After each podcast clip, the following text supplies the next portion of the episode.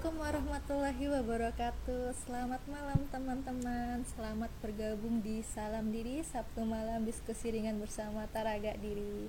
Nah pada sebentar ini ke terlebih dahulu kita akan mengundang teman-teman ngobrol pada malam hari ini gitu ya Kak Satriani Tora dalam pembahasan kita yaitu di sekolah kita bertemu lagi pembelajaran siswa pasca pandemi. Aduh, ini Kak ada judul yang menarik gitu ya. Kemarin tuh uh, judulnya tuh usai badai mari kita belajar lagi. Sekarang uh, lebih agak lebih positif nih, lebih di sekolah kita bertemu lagi pembelajaran siswa pasca pandemi. Aduh, nah nih sebelumnya uh, mungkin aku buka dulu. Assalamualaikum warahmatullahi wabarakatuh. Selamat malam Kak Tora. Waalaikumsalam warahmatullahi wabarakatuh. Malam Ir. Ini suaraku terdengar jelas kan, lancar kan? Iya, terdengar kok. Suaraku terdengar nggak ya? Aman, aman, lancar jaya. Semoga sampai nanti kita sukses siaran, lancar jaya ya. Oke. Okay. Oke, jadi uh, ini keadaan kakak sehat kan? Gimana? Alhamdulillah sehat. Alhamdulillah. Ini kan. Kira gimana nih, Kir? Alhamdulillah ikutan sehat juga, hmm. apalagi lihat kakak seger banget. Aku pakai filter oh, nih biar kelihatan lebih seger. Tadi biar nyari filter agak susah ya, udahlah nggak apa-apa lah. Gak apa-apa. Nah, kebanyakan konsumsi filter. Konsumsinya filteran gini, mumpung mumpung yeah. ada gitu ya. Aduh, uh, gini kak, uh, apa ya malam hari ini nih kita bakal ngobrol banyak hal terkait pasca pandemi gitu. Tapi kan sebelum kita tahu pandemi uh, paskanya setelah selesai berarti kan kita juga harus tahu dulu dong uh, permasalahan selama pandemi itu apa gitu. Selama berapa tahun ini kita me, apa merasakan pandemi tidak bertemu orang kayak LDRan gitu ya sama semua orang gitu. Jarang jarang banget ketemu bercuap-cuap kayak biasanya gitu. Ngobrol pasti ada seneng dan ada sedihnya juga ya uh, walaupun dalam perbatasan apa ber apa dengan waktu yang terbatas dan kondisi yang terbatas gitu kalau menurut hmm. sendiri uh, permasalahan selama pandemi ini apa sih? Apalagi yang dirasakan dengan kita nih kaum pendidikan gitu. Waduh kaum pendidikan. Maksudnya yang cenderung membahas tentang pendidikan nih gitu kan. Oke, okay. Ir sebelumnya ada masukan dari teman-teman nih dari Yaya sama Mas Dika katanya hmm? suara Ira kurang jelas gitu. Oh, mungkin kurang jelas ya. Begini begini kalau sekarang udah jelas belum? Iya, udah, sudah jelas itu. udah jelas ya? Oke. Okay. okay. kalau kurang jelas, lambaikan tangan. lambaikan tangan. Iya, sebelumnya saya ingin nyapa ke teman-teman dulu nih. Selamat malam teman-teman, selamat bergabung. Terima kasih juga karena udah bergabung ya. Uh, malam minggunya produktif sekali gitu ya. Ini kayaknya pada malam minggu di rumah atau di kos aja nih. Mendung soalnya. Okay. Oh iya sih ya. Apalagi Jogja macet ya Bu ya. Malam minggu. Macet, mendung, kelabu. Aduh malam minggu. Bikin macet jalan nanti kalau kita ke ikutan keluar. Buat hujan ya. Oke. Okay. Tadi uh, pertanyaannya adalah sebenarnya permasalahan apa aja sih yang yang terkait dengan pendidikan gitu ya pada waktu pandemi gitu uh, ya sebelumnya kita tahu bahwa pandemi ini adalah apa ya datangnya tiba-tiba gitu kan. Jadi uh, merambat ke semua sektor gitu kan. Uh, salah satunya ke pendidikan tadi gitu. Nah kemudian permasalahannya apa sih gitu?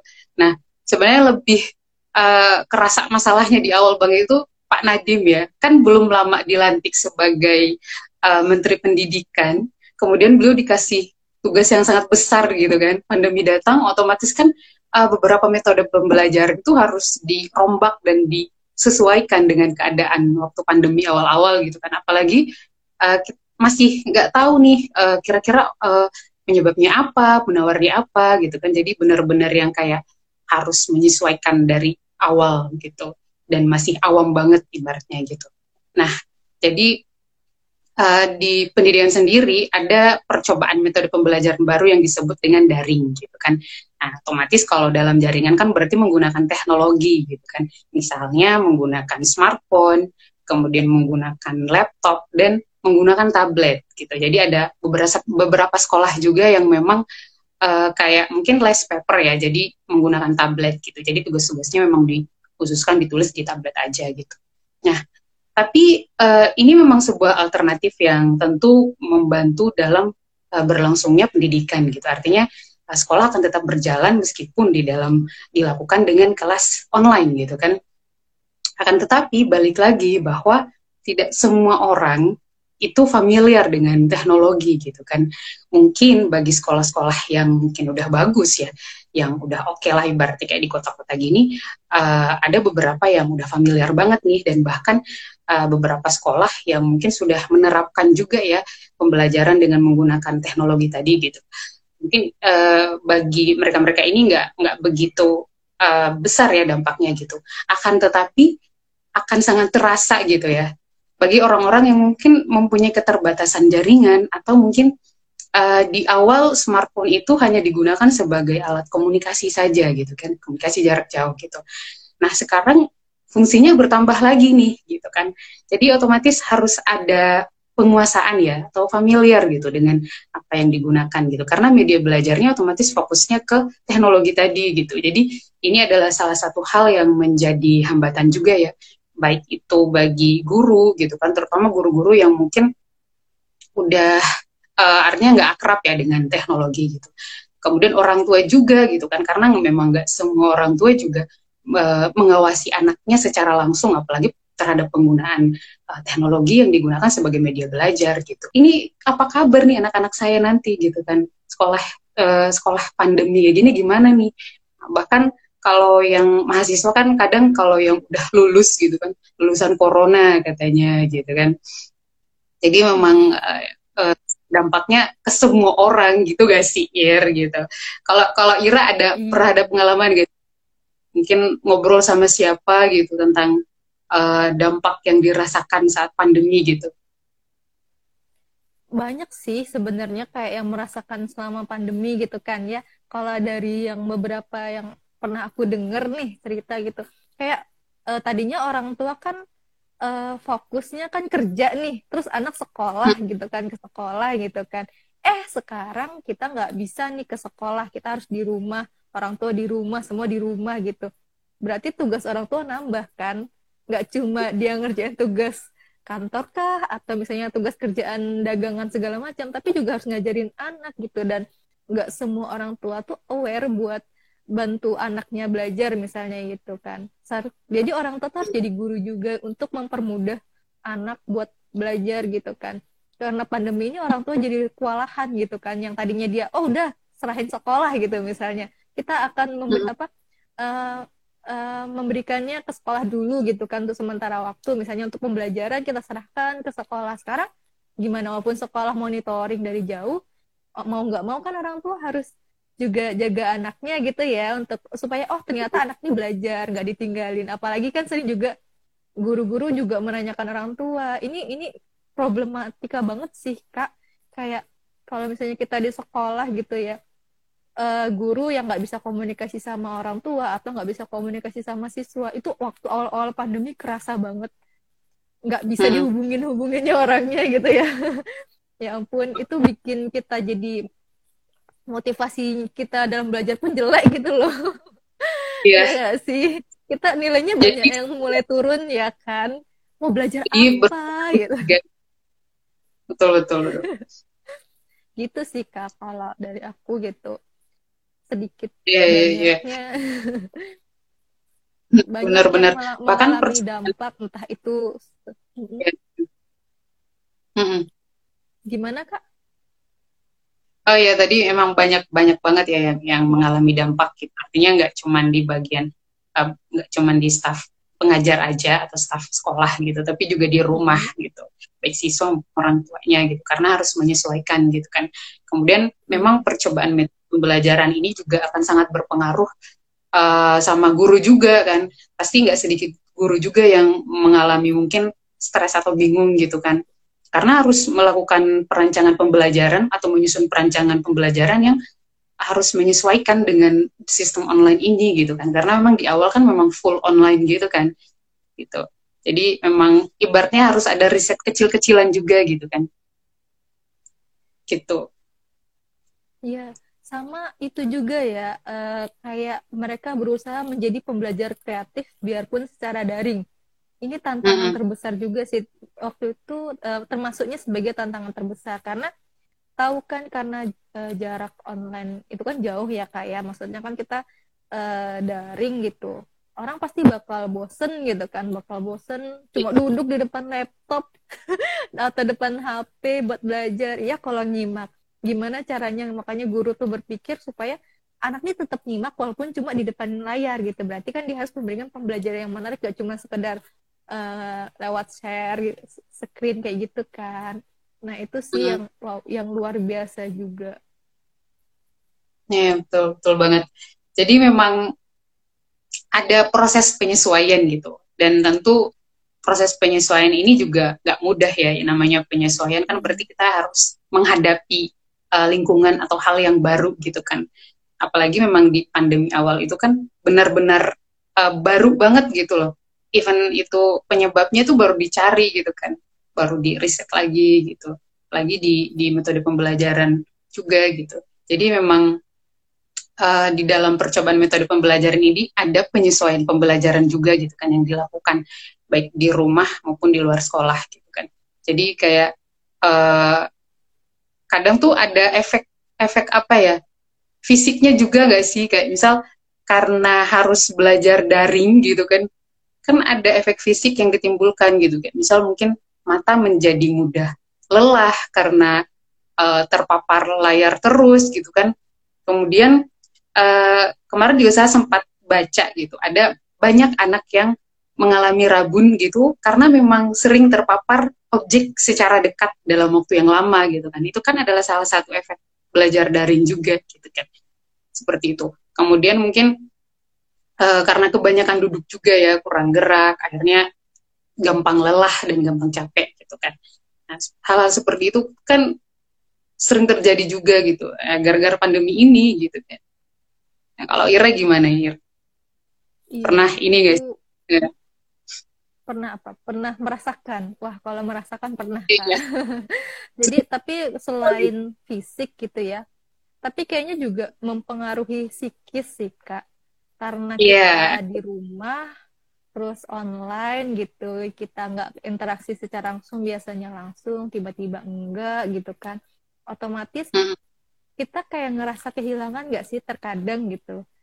Kalau mm yang biasanya kita wah ketemu ngobrol banyak. Dan sekarang kita nggak bisa lihat ekspresi uh, teman kita atau nggak bisa dengerin eh, perasaan-perasaan atau obrolan secara langsung gitu kan. Mungkin kayak kita merasa jadi jauh nggak sih kak? Sehingga ini bisa menimbulkan uh, bisa jadi kita malah kurangnya itu fungsi sosial kita. Jadi kemampuan sosial kita berkurang banget nggak sih jadinya? Karena uh, daring ini gitu kan. Salah satunya mungkin itu kali dampak negatifnya gitu. Tapi denger dengar nih. Iya. denger dengar nih kak. Kan kemarin sempat uh, itu ya sudah sudah apa sudah boleh lepas masker biarpun sekarang kayaknya pakai masker lagi gitu. Itu kan bisa dibilang itu berarti ke itu dong udah masuk ke pasca pandemi ya berarti kita nih termasuknya gitu ya kak ya. Udah mulai yeah. masuk sekolah juga ya orang-orang Ya benar banget. Jadi uh, hampir dua tahun ya kita di kita terjebak lah ibaratnya ya, di di di masa pandemi ini gitu. Kita banyak belajar banyak banyak hal yang berubah juga gitu. Banyak habit-habit yang akhirnya terbentuk gitu kan. Dan memang cuma memang ada beberapa uh, habit yang bagus banget nih karena kita jadi uh, apa ya jadi bisa menjaga kebersihan gitu kan bisa menjaga pola makan kita gitu kan. Kemudian kita bisa juga banyak belajar tentang mental health juga karena memang hmm. kerasa banget gitu. Karena tak seperti yang yang Ira tadi bilang bahwa semenjak pandemi kita jarang bersosialisasi. Padahal kan sejatinya kita adalah makhluk sosial gitu kan. Tanpa interaksi itu kayak kurang gitu loh. Kita butuh kan sharing atau ngobrol ke orang lain gitu kan. Nah jadi memang uh, ada hal-hal yang mungkin ada dampak positif dan negatifnya gitu ya. Cuman ya alhamdulillahnya gitu selama dua tahun dan di awal tahun kemarin itu kan memang uh, kalau khusus untuk di sektor pendidikan ya sudah uh, sekolah-sekolah itu sudah mencoba untuk masuk secara uh, tatap muka gitu. Cuman mungkin pakai sistem hybrid learning ya gitu. Jadi di mana hybrid learning ini adalah penggabungan ya dua metode pembelajaran yaitu metode online dengan uh, pertemuan tatap muka gitu. Cuman kemarin uh, sempat ada omikron itu kan akhirnya padahal ini juga ini juga uh, apa ya kan kita dikasih tantangan terus gitu loh. Sempat sekolah-sekolah itu udah menyusun rancangan pembelajaran gitu kan bahwa kita hybrid tapi kita fokuskan ke pertemuan tatap muka. Kita lihat kan gimana kira-kira ada dampak besarnya nggak kira-kira. Uh, baik dampak yang mungkin penularannya atau mungkin uh, keefektifan belajar gitu. Nah tiba-tiba ada omikron gitu kan akhirnya uh, dialihkan lagi nih gitu. Dialihkan lagi ke kelas yang online lagi. Akhirnya full online lagi gitu. Cuman alhamdulillahnya setelah omikron ini mereda gitu ya sampai sekarang pun sudah mencoba untuk uh, uh, tatap muka kembali se secara full gitu. Seperti itu sih. Berarti kita nih sebenarnya awalnya sempat terombang ambing juga ya kayak ini offline tiba-tiba online tiba-tiba offline lagi gitu aduh gitu kan Nah, sekarang iya, sekarang sudah mulai tatap muka gitu kan. Kita sudah mulai mm-hmm. menyesuaikan diri untuk ketemu orang lagi gitu kan. Tapi walaupun mm-hmm. mungkin jamnya masih terbatas juga ya, kayak nggak kayak dulu dua uh, nyampe sore gitu. Mungkin ada pembagian masih ada atau gimana sih ya? Uh, itu sebenarnya kalau soal jam uh, balik lagi ke kebijakan setiap sekolah gitu kan. Hmm. Kalau misalnya ada juga yang memang sampai jam 12 yang tadinya mungkin full ya sampai sore ada kegiatan ekstrakurikuler gitu kan ini itu dicoba dulu gitu sampai jam 12 gitu. Cuman memang sejauh ini eh, sekolah-sekolah sudah mulai tatap muka secara full seperti biasa gitu. Tapi tetap prokes dijaga gitu. Soalnya kan kita memang sudah di tahap yang menyesuaikan diri gitu kan. Kita sudah tahap yang uh, iya kita sadar bahwa bahwa ada ada corona ibaratnya ya.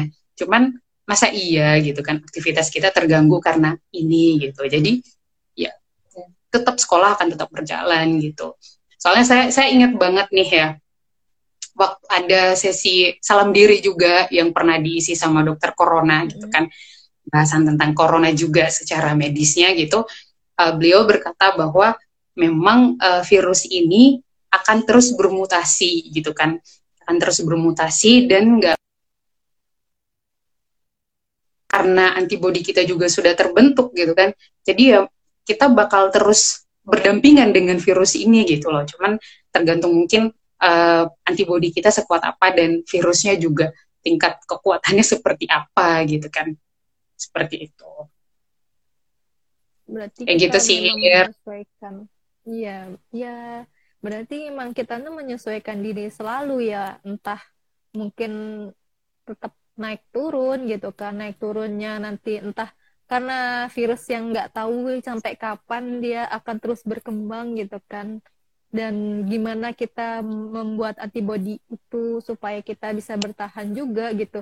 Nggak terkungkung dalam masa-masa gelapnya kemarin gitu kan. Sekarang udah mulai masa-masa terang nih. Kita udah ngerti udah mulai menyesuaikan diri. Kapan kita harus habitnya menjaga kebersihan menjaga keamanan diri gitu. Tetap tapi juga juga tetap bisa bersosial dan belajar. Ini nggak bisa jadi batasan buat kita untuk uh, ngedrop gitu ya. Kayak istilahnya apa ya? Kita down gitu supaya tidak berkembang ini sebagai mungkin bisa jadi sebagai usaha kita supaya kita bisa lebih berkembang lagi apalagi kan yang namanya manusia itu nggak pernah lepas dari dasarnya yang punyanya keinginan untuk yang kuat untuk explore belajar dan berkembang gitu tapi uh, enggak nah terus kebiasaan-kebiasaan habit ini kan beda ya kayak ya. selama pandemi dan pasca pandemi gitu ya selama hmm. Pandemi kan mungkin kita kayak lebih tadi yang di, dari awal uh, me, apa ya menahan diri apa ya tidak bisa udah sulit bersosial bersosialisasi misalnya nih metode motivasi belajarnya udah beda nih misalnya kita semangat udah biasa online tiba-tiba belajar offline wah udah enak keenakan online gitu. Gampang aksesnya udah udah udah mulai canggih kan tangan-tangan gitu aduh udah gampang semua akses gitu tiba-tiba offline gitu menulis lagi nyari informasinya nggak segercep kalau pas online nih misalnya gitu. Gimana nih kak? Iya benar. Apalagi kan kita uh, ibaratnya dua tahun itu bukan waktu yang yang sebentar ya gitu. Uh, jadi kayak yang uh, pelajaran IPA gitu kan. Mereka buat karya sel gitu kan dari kardus. Pokoknya bebas ekspresi seperti apa mereka ekspresinya gitu kan dan mau dibikin dalam bentuk apa gitu bebas gitu. Kayak saya melihat di situ gitu kalau misalnya sistemnya tetap online nggak bisa nih gitu. Artinya siswa juga nggak bisa explore gitu. Jadi memang ya kita tetap tetap harus menerima bahwa sistem online ini akan berakhir seenak apa pun sistem online. Karena kan memang kalau online kan uh, lebih fleksibel ya waktunya lebih fleksibel. Kemudian uh, kita juga bisa milih kapan pun kan. Jam berapa kita mau ketemuan lewat Zoom meeting atau Google Meeting kan bisa aja gitu kan. Jadi lebih fleksibel. Terus mau di mana pun kuliahnya sekolahnya tuh bisa gitu kan. Cuman ya balik lagi gitu. Dan pada akhirnya sampai sekarang pun uh, meskipun tetap tatap muka ya tapi tetap ada gitu loh sistem-sistem online yang yang sebelumnya diterapkan. Kayak misalnya aku yakin grup WA di kelas tuh pasti nggak bakal dihapus gitu. Karena kan mungkin uh, karena guru udah terbiasa uh, bener banget guru udah udah terbiasa ngontrol anak-anak lewat grup WA kelas gitu kan pasti bakal kebawa kebiasaan itu gitu loh. Karena kan kita sendiri punya alternatif lain untuk mengontrol anak-anak didik kayak gitu kan. Seperti itu siswa siswa pun demikian. Kalau misalnya mau berhubungan langsung sama guru kan karena pembiasaan-pembiasaan saat pandemi itu udah terjadi. Kayak misalnya kalau ada pertanyaan langsung chat ke guru ya saat udah pasca pandemi ini gitu ya bisa dibilang kayak gitu karena kita udah di proses penyesuaian gitu. Dan kita udah menyesuaikan gitu kan. Mereka tetap melakukan hal seperti itu gitu. Tuh. Menariknya itu iya, sih. Ya.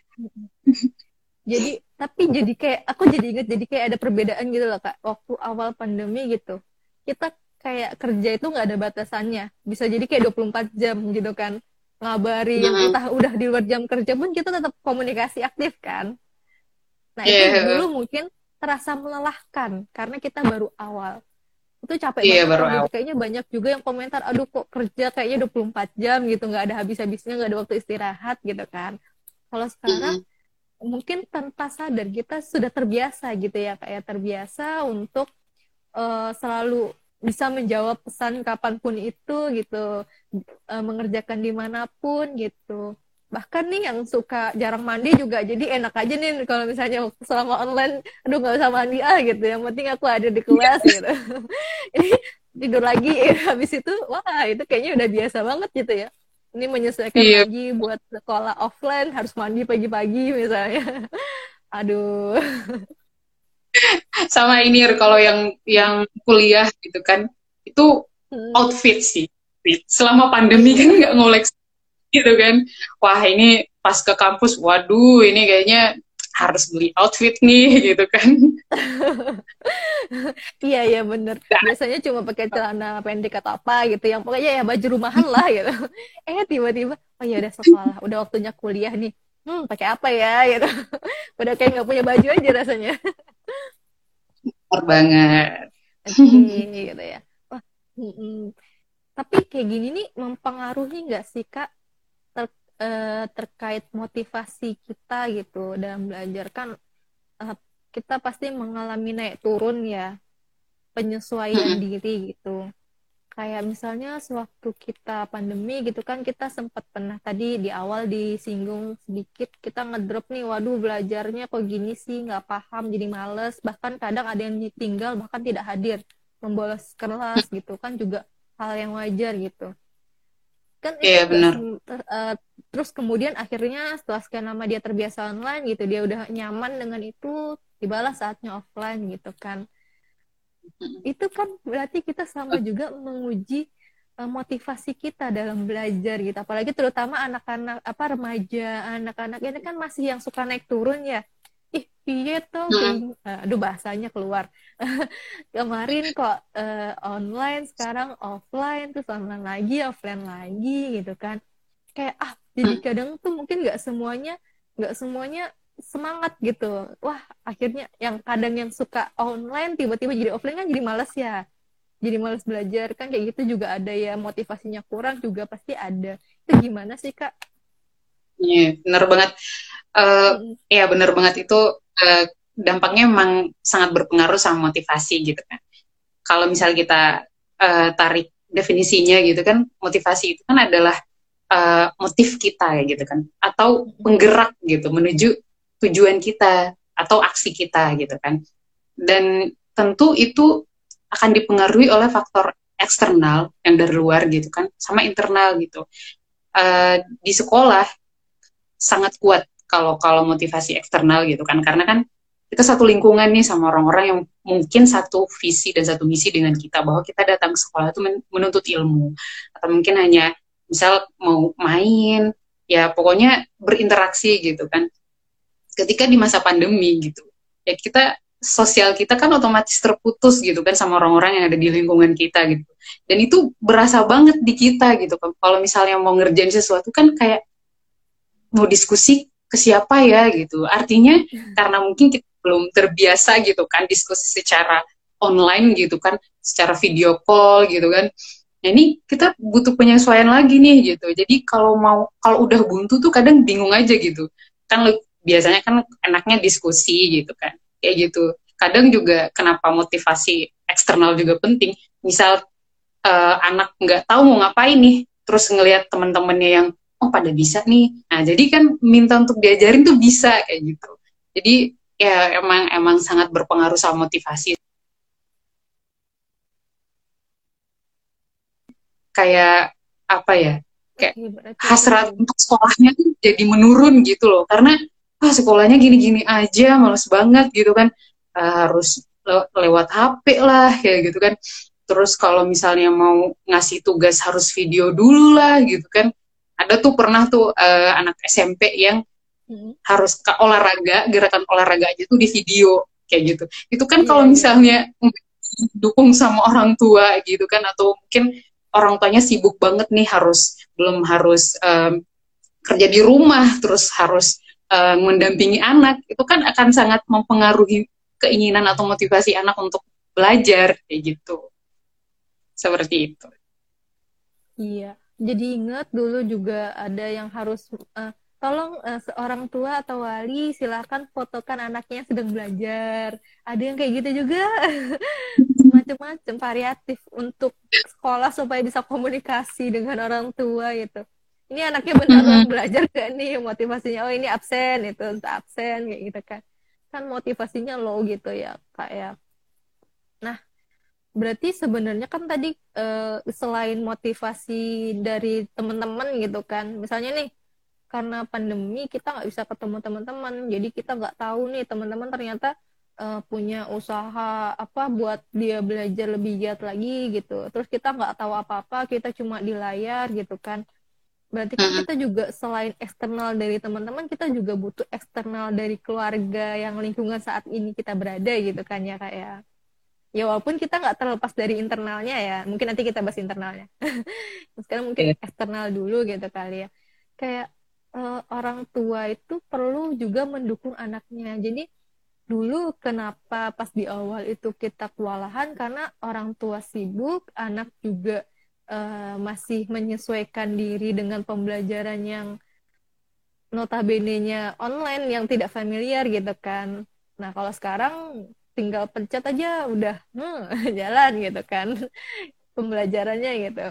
Nah, kalau hmm. dulu itu kan berarti kan orang tua juga harus tahu nih uh, anak juga perlu dimotivasi kayak memberikan apresiasi, memberikan kenyamanan, kehangatan, oh anakku belajar aku harus seperti apa untuk membantu. Itu bisa meningkatkan motivasi anak juga berarti ya kayak itu dari lu hmm, eksternalnya gitu. Bisa hmm. juga dari ya itu adalah hmm. ya betul. Gimana kak?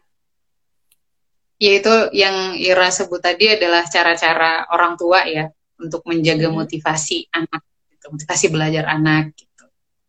Dengan proses pendampingan tadi gitu ya. Jadi gimana yang dari guru? Kalau kalau kalau mau tanya maksudnya kalau dari guru nih gimana lagi gitu kan? Pasti pasti kan berbeda gitu ya kak ya kan? Kalau misalnya orang tua mungkin dari rumah gitu kan. Dari guru ini kayaknya kan agak susah ya kita harus secara online gitu kan ini gimana sih supaya bisa memotivasi anak atau malah mungkin malah memotivasi guru sendiri gitu supaya bisa uh, semangat mengajar gitu semangat 45 hmm. ya itu gimana? Yeah, yeah. Oh iya, kalau ke anak sendiri sih sebenarnya kalau guru ya itu hmm. selama komunikasi dengan orang tua lancar gitu. Artinya hmm. kalau misalnya lancar kan berarti bakal terkontrol ya. Artinya bisa hmm. Bisa banget ditanyain ke orang tua kan gimana Bu? Anaknya? Atau Pak anaknya? Eh pendampingannya di rumah seperti apa? Dan biasanya juga kan kalau misalnya ternyata di bawah standar nilai atau KKM kan itu akan dipertanyakan gitu kan. Maksudnya apakah memang karena kapasitas kognitif ataukah mungkin karena memang uh, proses pendampingan yang kurang gitu atau stimulasi yang kurang dari rumah gitu kan. Jadi biasanya memang cara menjaga motivasi kalau dari guru ya kepada anak-anak gitu kan lewat orang tuanya tadi gitu. Karena kan memang kalau misalnya online full kan yang bisa melihat dan memantau anak ya orang tua gitu kan atau wali yang ada di sampingnya yang ada di dekatnya gitu kan. Seperti itu kalau guru biasanya. Jadi ada kerjasama antara kedua belah pihak gitu ya kak ya betul banget. Kemudian uh, tidak lupa dan selalu ya diterapkan gitu bahwa uh, apa pun hasil kerja anak atau siswa gitu ya harus tetap diberikan apresiasi gitu kan.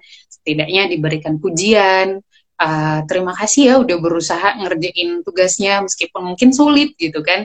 Tapi kamu hebat banget bisa ngerjain kayak gitu kan. Itu kan sebenarnya hal-hal kecil tapi membuat anak menghargai usahanya gitu kan. Gitu jadi keberadaan dia yang mungkin usahanya yang menurut dia udah usaha habis-habisan eh ternyata dia menghargai dia itu ayem ayem banget gitu ya kayak rasanya ya kan. Jangan kan anak kita aja kan digituin wah alhamdulillah banget gitu kan. Diapresiasi. ngayem ngayemin gitu masih diapresiasi gitu. Iya, iya. Tenaga pendidik baik uh, orang pengajar atau misalnya maupun pekerja kantor ataupun siapa pun itu butuh diapresiasi oleh orang-orang sekitar kita. Ini penting banget nih kita buat memotivasi semua orang gitu kan. Buat teman-teman yang sedang berjuang hari ini terima kasih sudah berjuang. Mari kita berjuang lagi. Aduh jadi kuat dong kak. Harus terkuat yang kuat iya. Wah dari ini nih kak. Hmm, kita tuh kan mungkin nih aku, uh, mungkin menambahkan sedikit gitu ya tentang motivasi kita gitu. Motivasi motivasi apa pun. Jadi aduh ingin menambahkan ini. Selain motivasi belajar anak mungkin bisa motivasi orang tua dalam ingin mencapai tujuan dan segala macamnya atau apa pun mungkin sedikit menambahkan gitu ya kita kan tadi seperti yang sebelumnya sudah aku singgung gitu kan manusia itu kan pada dasarnya punya keinginan nih buat yang kuat untuk explore, belajar dan berkembang ya tadi seperti yang sebelumnya aku katakan gitu kan uh, di Betul. kita kita singgung di kita. Ini tujuannya tuh kan untuk diri kita lagi kan, untuk setiap -hmm. individu, setiap manusia itu buat meningkatkan kualitas hidup.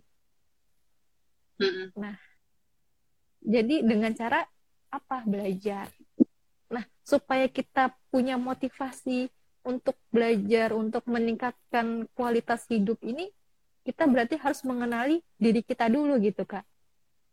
Hmm. So. Kita rendah nih motivasinya, kita nggak tahu mau ngapain gitu ya. Sebelum supaya kita bisa kembali lagi menuju arah yang sesuai, aduh. Kemarin banget nih kayaknya kita baru aja di brands, di baru aja dikasih nih. Terus kita bagaimana kita mengenali diri kita uh, masih seger lah ya kenali diri kita sendiri gitu iya. kan. Ini kayak tentang apa uh, tentang diri kita sama apa yang pengen kita lakuin apa sih yang kita mau gitu loh selama ini gitu. Kayak aku tuh aku tuh siapa? Aku tuh kayak gimana? Terus mauku tuh apa? Itu tuh kayaknya itu penting banget. Kita sering nggak sih nanya kayak gitu ke diri kita? Iya sering banget. Karena balik lagi ya motivasi itu kan gunanya adalah untuk mendorong kita berbuat sesuai dengan tujuan kita gitu kan. Kemudian untuk menentukan arah kita, kira-kira kita mau ngapain nih, gitu kan. Kemudian untuk menyeleksi perbuatan kita, jadi kita bisa memilih dan memilah sekiranya apa yang harus kita lakukan agar tujuan kita itu bisa tercapai gitu kan. Itulah kenapa kita kadang bertanya kan uh, tujuanku apa sebenarnya gitu kan. Itu kan adalah salah satu hal yang uh, cara kita lah ibaratnya untuk mempertahankan motivasi kita gitu. Nah, dengan caranya apa kita berarti kan harus tahu nih apa yang kita mau sama apa sih tujuan kita, tujuan hidup kita gitu. Misalnya nih kalau udah ada gambaran dari hal ini gitu yang kita mau sama yang ingin dicari sama ingin dituju gitu, kita bisa susun lagi ini goal yang lebih detailnya tuh seperti apa. Jadi kita nggak nggak cuma lihat secara luas gitu kan gambaran secara luas, tapi kita akan membuat uh, goals yang lebih detail gitu supaya kita nih punya motivasi lagi buat berkembang dan buat belajar. Wah ada yang mau mm mencari gitu. Nah ini mungkin kita stop dulu gitu kan untuk mencapai tujuan ini. Ini ada yang mau share juga nih sharing nih. Uh, ini oh bertanya iya. Oh bertanya uh, bagaimana persiapan kita sebagai pelajar untuk menghadapi pembelajaran normal seperti biasanya setelah pandemi agak reda. Terima kasih. Ini mau siapa yang jawab nih? Kamu mau jawab dulu? Dulu boleh. Hmm? Oh, aku. Boleh? Oh, ya, oke. Okay. Gimana persiapan kita sebagai pelajar untuk menghadapi pembelajaran normal ya, seperti biasanya setelah pandemi agak reda gitu kan? Ya, uh, tentu akan sangat sedikit sulit ya bagi kita yang udah biasa gitu kan online kelas online gitu kan, kemudian harus switch atau menyesuaikan dengan kelas offline lagi karena tentu butuh effort ya melangkah ke sekolah atau ke kampus aja tuh butuh effort gitu kan karena udah biasa tadi gitu kan balik lagi sih kalau aku ya. Kita harus bisa melihat uh, apa yang kita hadapi itu dari berbagai macam perspektif gitu bahwa memang mungkin kelas online tuh lebih enak ya karena waktunya yang fleksibel kemudian kita nggak harus ribet bangun.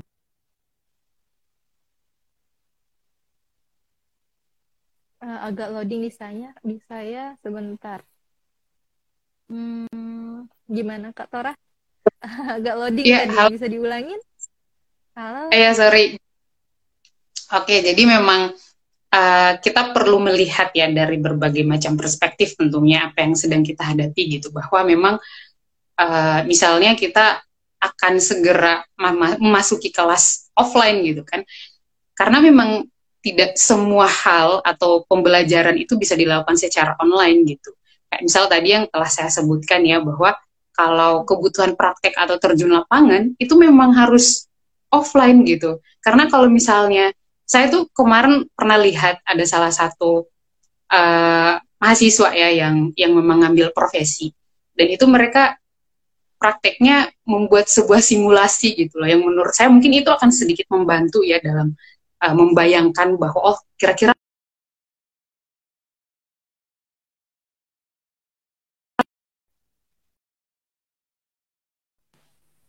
ada bagusnya juga gitu kalau di blend gitu offline atau online gitu. Jadi ya kita harus siap menghadapinya gitu.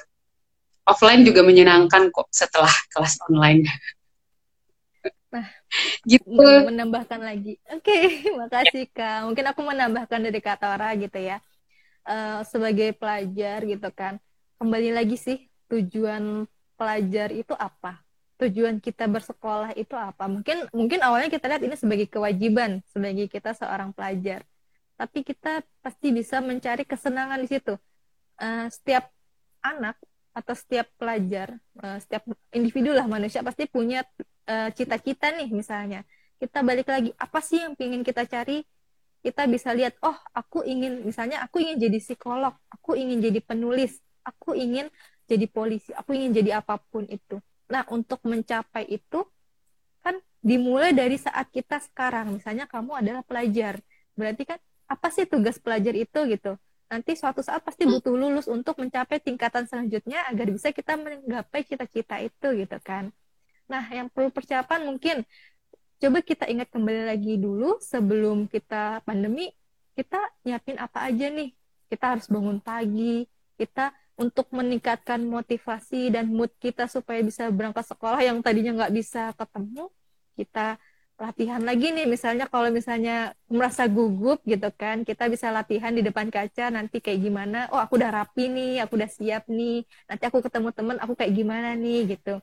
Nyiapin buku-buku misalnya kayak gitu kan. Kalau hal-hal sederhana seperti uh, persiapan persiapan sekolah aja sama uh, mungkin menyiapkan materi-materi yang biasanya sudah di online kan kamu punya catatannya itu termasuk salah satu untuk uh, persiapan diri kamu oh aku udah mulai siap nih untuk belajar offline lagi lebih ke juga membesarkan hati juga ya kak ya ya ampun aku selama ini offline akhirnya aku bisa online lagi gitu Nah, mungkin dan hmm? ya gimana ya? Hmm. Lanjut, mungkin lanjut. Kalau oke, okay. kan tadi uh, sama mungkin ini menyangkut sakut pautnya juga sama kayak goal setting tadi kita uh, untuk mencari goal detailnya lagi. Kayak sebagai contoh nih, uh, aku suka drakor, saya suka drakor gitu, atau K-pop lah gitu misalnya nih, atau drama Cina atau drama yang lain gitu kan. Dan aku pengen belajar, belajar bahasa Korea misalnya itu atau bahasa Jepang atau bahasa apa pun gitu kan. Nah, aku punya target target supaya uh, aku bisa belajar itu selama satu tahun gitu. Jadi mm -hmm. untuk mencapai target itu berarti kan kita harus semangat nih. Pokoknya setahun ini aku harus bisa gitu. Gimana caranya ya? Kita belajar misalnya belajar tiap hari gitu kan, belajar terus-terusan gitu. Itu kan salah satu detail kita dalam uh, mencapai tujuan gitu. Nah, teman-teman kalau misalnya ingin segera, misalnya, oh, aku uh, ingin di pelajaran tertentu, aku pengen lebih sukses nih gitu. Aku suka ini gitu. Aku pengen nilai dia ting nilaiku tinggi di sini misalnya. Aku ingin nilai setiap pelajaran tinggi. Apa caranya? Mungkin bisa di list satu-satu. Nah, jadi kayak itu bisa memotivasi kita lagi dan pandangan kita yang dari banyak hal itu bisa kita lebih pastikan bagaimana kita untuk mencapainya nanti kayak gitu. Betul. Gimana? Sama mungkin uh, di awal kita akan berpikir bahwa wah sulit banget nih sebentar lagi kita mau masuk offline misalnya kan. Di awal bakal berat banget. Tapi ternyata setelah kita mencoba untuk menjalaninya hmm. gitu. Kita banyak hal yang menyenangkan yang kita dapat gitu kan. Selain ilmu, juga relasi mungkin ya yang kita peroleh kayak gitu. Jadi memang uh, kadang apa yang kita pikirkan itu nggak sesuai dengan apa yang akan terjadi nanti gitu. Karena yang akan terjadi kan juga kita belum tahu ya. Seperti itu. Dan mungkin semoga membantu jawabannya. Ya, semoga Siap. membantu jawabannya Kak Ursia. Nah, terus ya dengan kita belajar dengan kita itu mungkin kita juga lupa kali. Du, uh, dulu tuh kayak gimana kita dalam berinteraksi itu kadang kita lupa loh. Nah dengan adanya kita mulai offline lagi mengingatkan kembali ini kemampuan-kemampuan sosial kita yang sudah lama. Mungkin mengering kali ya istilahnya ya. Betul banget. Oke. Aduh. Apalagi nih kak? Banyak. Jadi dari awal kita bahas dari sebelum pandemi kemudian pasca pandemi motivasinya juga uh, gimana kita menyelesaikan supaya mendapatkan motivasi itu juga banyak nih mungkin mau ada cerita apa lagi nih ya ada tentang pasca pandemi Oke, okay. ini dari Ursya ya. Terima kasih atas jawabannya, Kak. Sama-sama, Ursya. Terima kasih juga udah bertanya.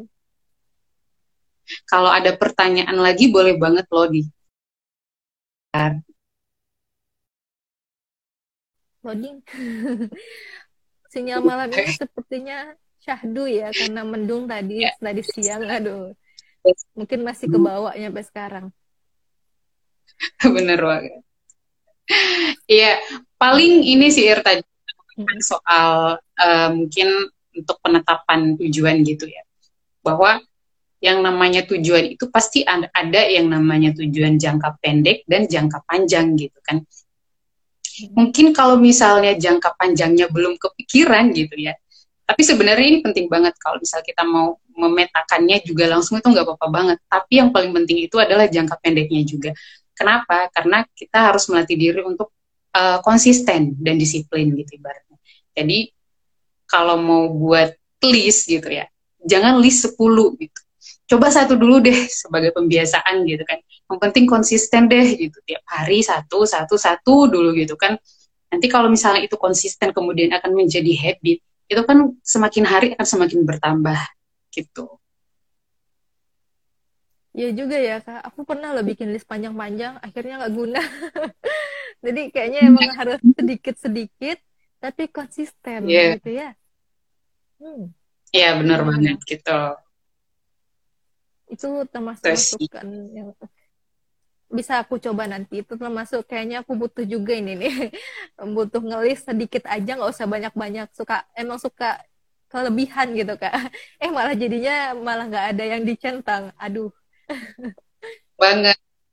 Sama harus realistis dong ya. Jadi iya. kalau mau memetakan tujuan harus realistis. Sekiranya ini bisa saya lakukan apa enggak gitu kan. Pun kalau misalnya nggak bisa dilakukan apakah kita perlu bantuan gitu. Kemudian bantuannya kepada siapa nih kayak gitu.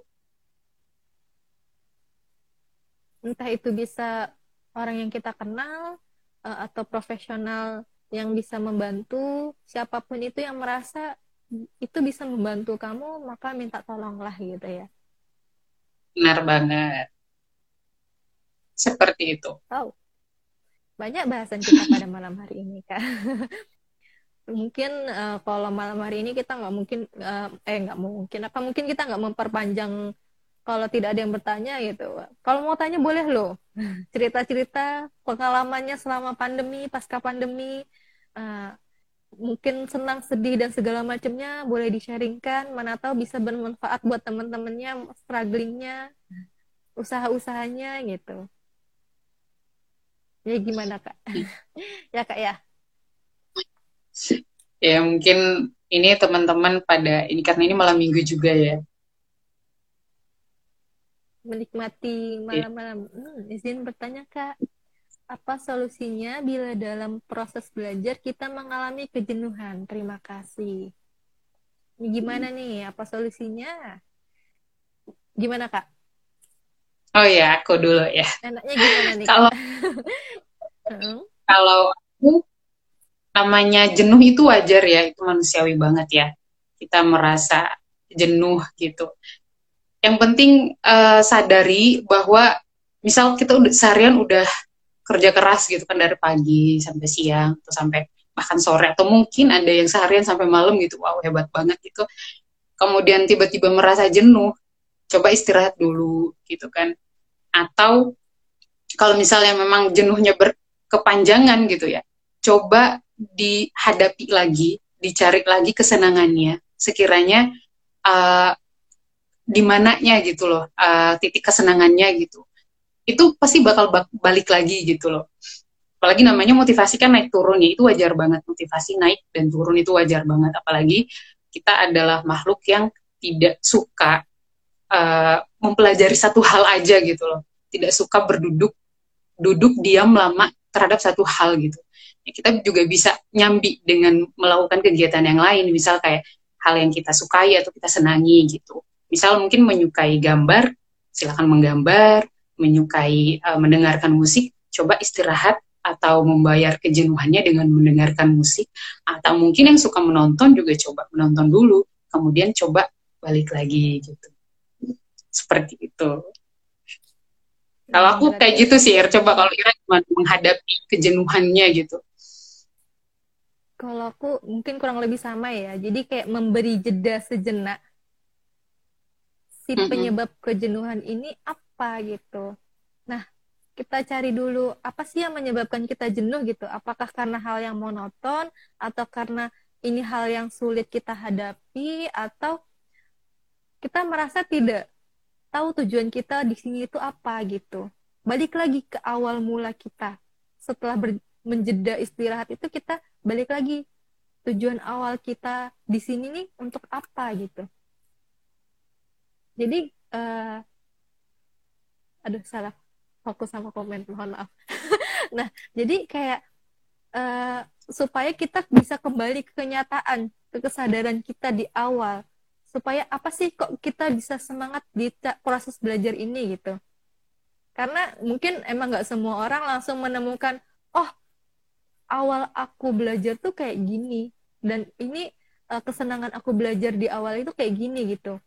Emang nggak semua hal hmm. bisa menemukan langsung kayak gitu tapi kan ada prosesnya. Entah mungkin nanti kita jeda istirahat sejenak mencari uh, kesenangan sesaat gitu ya nggak sesaat. Maksudnya kayak sela-sela gitu kayak tadi kata orang kayak misalnya oh aku pengen hobi yang lain dulu untuk menjernihkan pikiran. Misalnya kalau contoh sederhananya kita lagi belajar online gitu kan. Nah mungkin untuk meringankan uh, mata kita, badan kita, fisik kita, kita bisa melakukan pemanasan atau olahraga sejenak kayak gitu kan. Jadi, oh ternyata di antara sela belajar kita juga butuh berolahraga, badan kita juga butuh bergerak supaya apa? Supaya darah mengalir. Darah mengalir, hmm. otak pun jadi lebih segar untuk bekerja lagi, untuk belajar lagi kayak gitu. Seperti itu mungkin sedikit banyaknya. Nah, ya, benar banget sama ya ini ada, ada kak yang dini kak nih waduh tips menghadapi mentor yang ngasih deadline di luar kemampuan kita. Gimana tuh kak? Gitu. Aduh ini hmm. mentornya kayaknya mungkin mentornya enggak belum ini kali ya.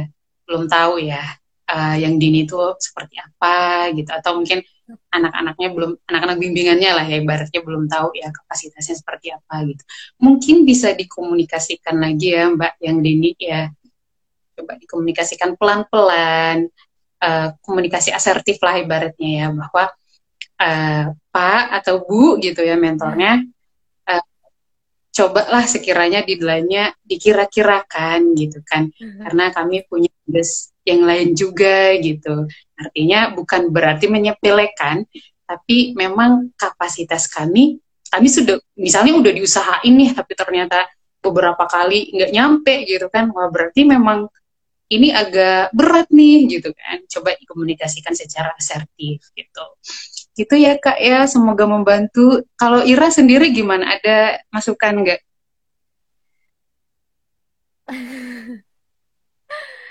kalau ini kalau pengalaman uh, waktu dulu gitu ya udah lama itu kan kalau dulu saya itu hajar terus gitu. Nyampe capek gitu kan kalau dulu gitu. Padahal sebenarnya kita juga harus sadar ya ampun aku tuh capek gitu. Aku kapasitasnya segini kok digempornya nyampe habis gitu kan. Kadang mungkin uh, itu yang bisa bikin kita drop down dan, dan bahkan kita juga bakal nggak move dari sini. Kita nggak bakal ngerasa nyaman lagi gitu kan. Karena kadang mm, apa ya aku aku nggak kuat gitu. Kadang ada yang kayak gitu juga. Tapi kembali lagi gitu kan. Uh, mungkin seperti yang kata kata orang bilang tadi kita juga harus asertif gitu ya. Bilang ke mentor gitu. Duh, agak tertohok sebenarnya. Aduh gitu. Nah buat diobrolin intinya komunikasi asertif gitu. Hah? Hmm. komunikasi asertif Jadi, gitu ya intinya. Uh, komunikasi baik -baik. asertif lebih kurang lagi itu sih oke okay. Iya, oke. Okay. Makasih Kak jawabannya sama-sama Mbak Mafa Mafaza gitu. Yang Dini Kerisa ya semoga uh, men menjawab pertanyaannya ya Kak Yang Dini. Terima kasih juga atas pujiannya. Ada bagus Terima kasih. Ada dari Mas Dika tadi. Sesuai tujuan, jeda untuk mengembalikan semangat, jangan sampai kebablasan malah jadi pelarian. Hmm, benar juga. Benar banget. Jadi, ibaratnya kalau mau refreshing gitu kan, ya seperlunya gitu. Jangan keenakan refreshing hari ini refreshing besok refreshing lagi gitu kan. Itu kan jadinya bablas gitu ya. Ya oke. Okay. terima kasih. Terima ya, kasih ya gimana? Kak.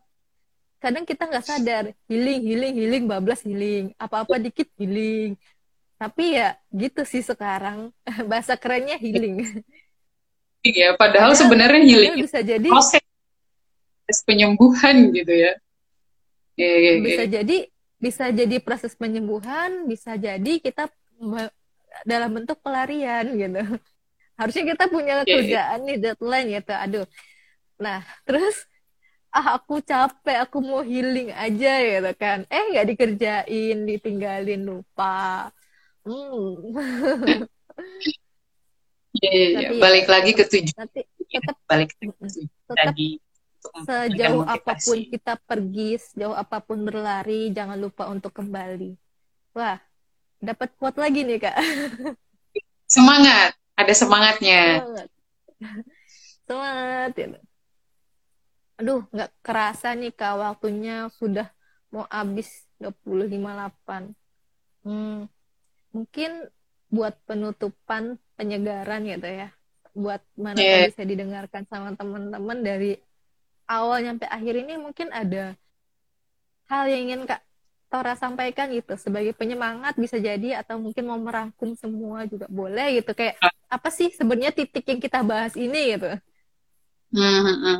Kalau titik yang kita bahas kan memang dari awal kita bahasannya soal pendidikan, kemudian uh, pandemi, awal pandemi dan pasca pandemi ya. Dan dan besar hubungannya dengan dampak negatif dan positif, kemudian kita ke motivasi gitu. Jadi uh, sebenarnya saya lebih ingin uh, menyampaikan sesuatu sih bahwa saya ingin berterima kasih kepada semua orang yang udah bertahan sampai sejauh ini gitu ya, uh, terutama di sektor pendidikan gitu ya, di bagian pendidikan baik itu guru, orang tua, siswa, mahasiswa gitu yang di awal pandemi itu kita sadar bahwa itu adalah sebuah uh, apa ya hal yang sangat baru bagi kita sehingga kita harus menyesuaikan diri lagi gitu. Kita tidak tahu mau belajar uh, dari mana dan di mana gitu kan. Bahkan uh, penyesuaiannya juga cukup cukup uh, menantang gitu karena kayak misal yang mungkin di pelosok harus balik ke pelosok menghadapi situasi uh, kelas online-nya dengan jaringan yang yang sungguh tidak memadai gitu kan ini pengalaman pribadi sih ya gitu. Hmm. Jadi saya kasih banyak sama semua orang yang udah berjuang sampai saat ini gitu. Baik orang tua mungkin yang yang se sementara bekerja di rumah sambil uh, mengawasi ya atau mendampingi anak-anaknya gitu. Mahasiswa yang struggling ya dengan segala hal yang ada secara internal maupun eksternal gitu. Guru-guru yang menyesuaikan dengan kondisi dan keadaan sekarang membuat media belajar mengucapkan terima kasih banyak sih. Semoga kita bisa terus berjalan semangat asal nggak bablas gitu ya kayak tadi Mas Ika bilang gitu. Dan kita saling merangkul satu sama lain. Kita nggak uh, ada kompetisi ya, kita merangkul. Gitu. Itu sih dari aku. Kalau Ira gimana nih ada nggak yang mau disampaikan? Apa ya? belum ada sih kak mungkin lebih ke okay. itu sih tetap se kembali lagi ke motivasi sebelumnya sejauh apa pun okay. kita melangkah jangan lupa untuk pulang dan kembali ke tujuan awal semangat cayo aduh terima kasih buat teman-teman pada malam hari ini yang sudah mendengarkan cuap-cuap kita obrolan kita pada malam hari ini. Ya semoga dari sekian banyak obrolan kita ini ada yang bisa bermanfaat buat teman-teman, menjadi motivasi buat teman-teman juga. Dari yang mungkin lagi males, lagi nggak pengen ngapa-ngapain, jadi terbakar semangatnya. Oh, aku punya tujuan yang sempat lupa nih, uh, dan aku harus kembali dan mengerjakannya gitu. Semangat ya, bener. dan terus, terus, terus kalau misalnya capek istirahat, tapi jangan lupa kembali lagi dan kembali lagi kayak gitu. Terima kasih banyak Kak Tora untuk malam hari ini untuk diskusinya. Juga iya. Makasih semuanya teman-teman yang ya, udah mengikuti teman-teman yang sudah ya. Sama-sama teh menonton bertanya dan semuanya semoga mendapatkan manfaatnya kami apabila ada salah kata mohon maaf karena kebaikan itu datangnya dari Allah, kesalahan itu datangnya dari manusia. Uh, mungkin kita cukupkan untuk pada malam hari ini. Wabillahi. Wassalamualaikum warahmatullahi wabarakatuh. Sekali lagi terima kasih Kak Tara dan terima kasih teman-teman sudah hadir di live Taraga di Indonesia. Dadah. Waalaikumsalam warahmatullahi wabarakatuh. Ya, tutup ya. Oke. Okay.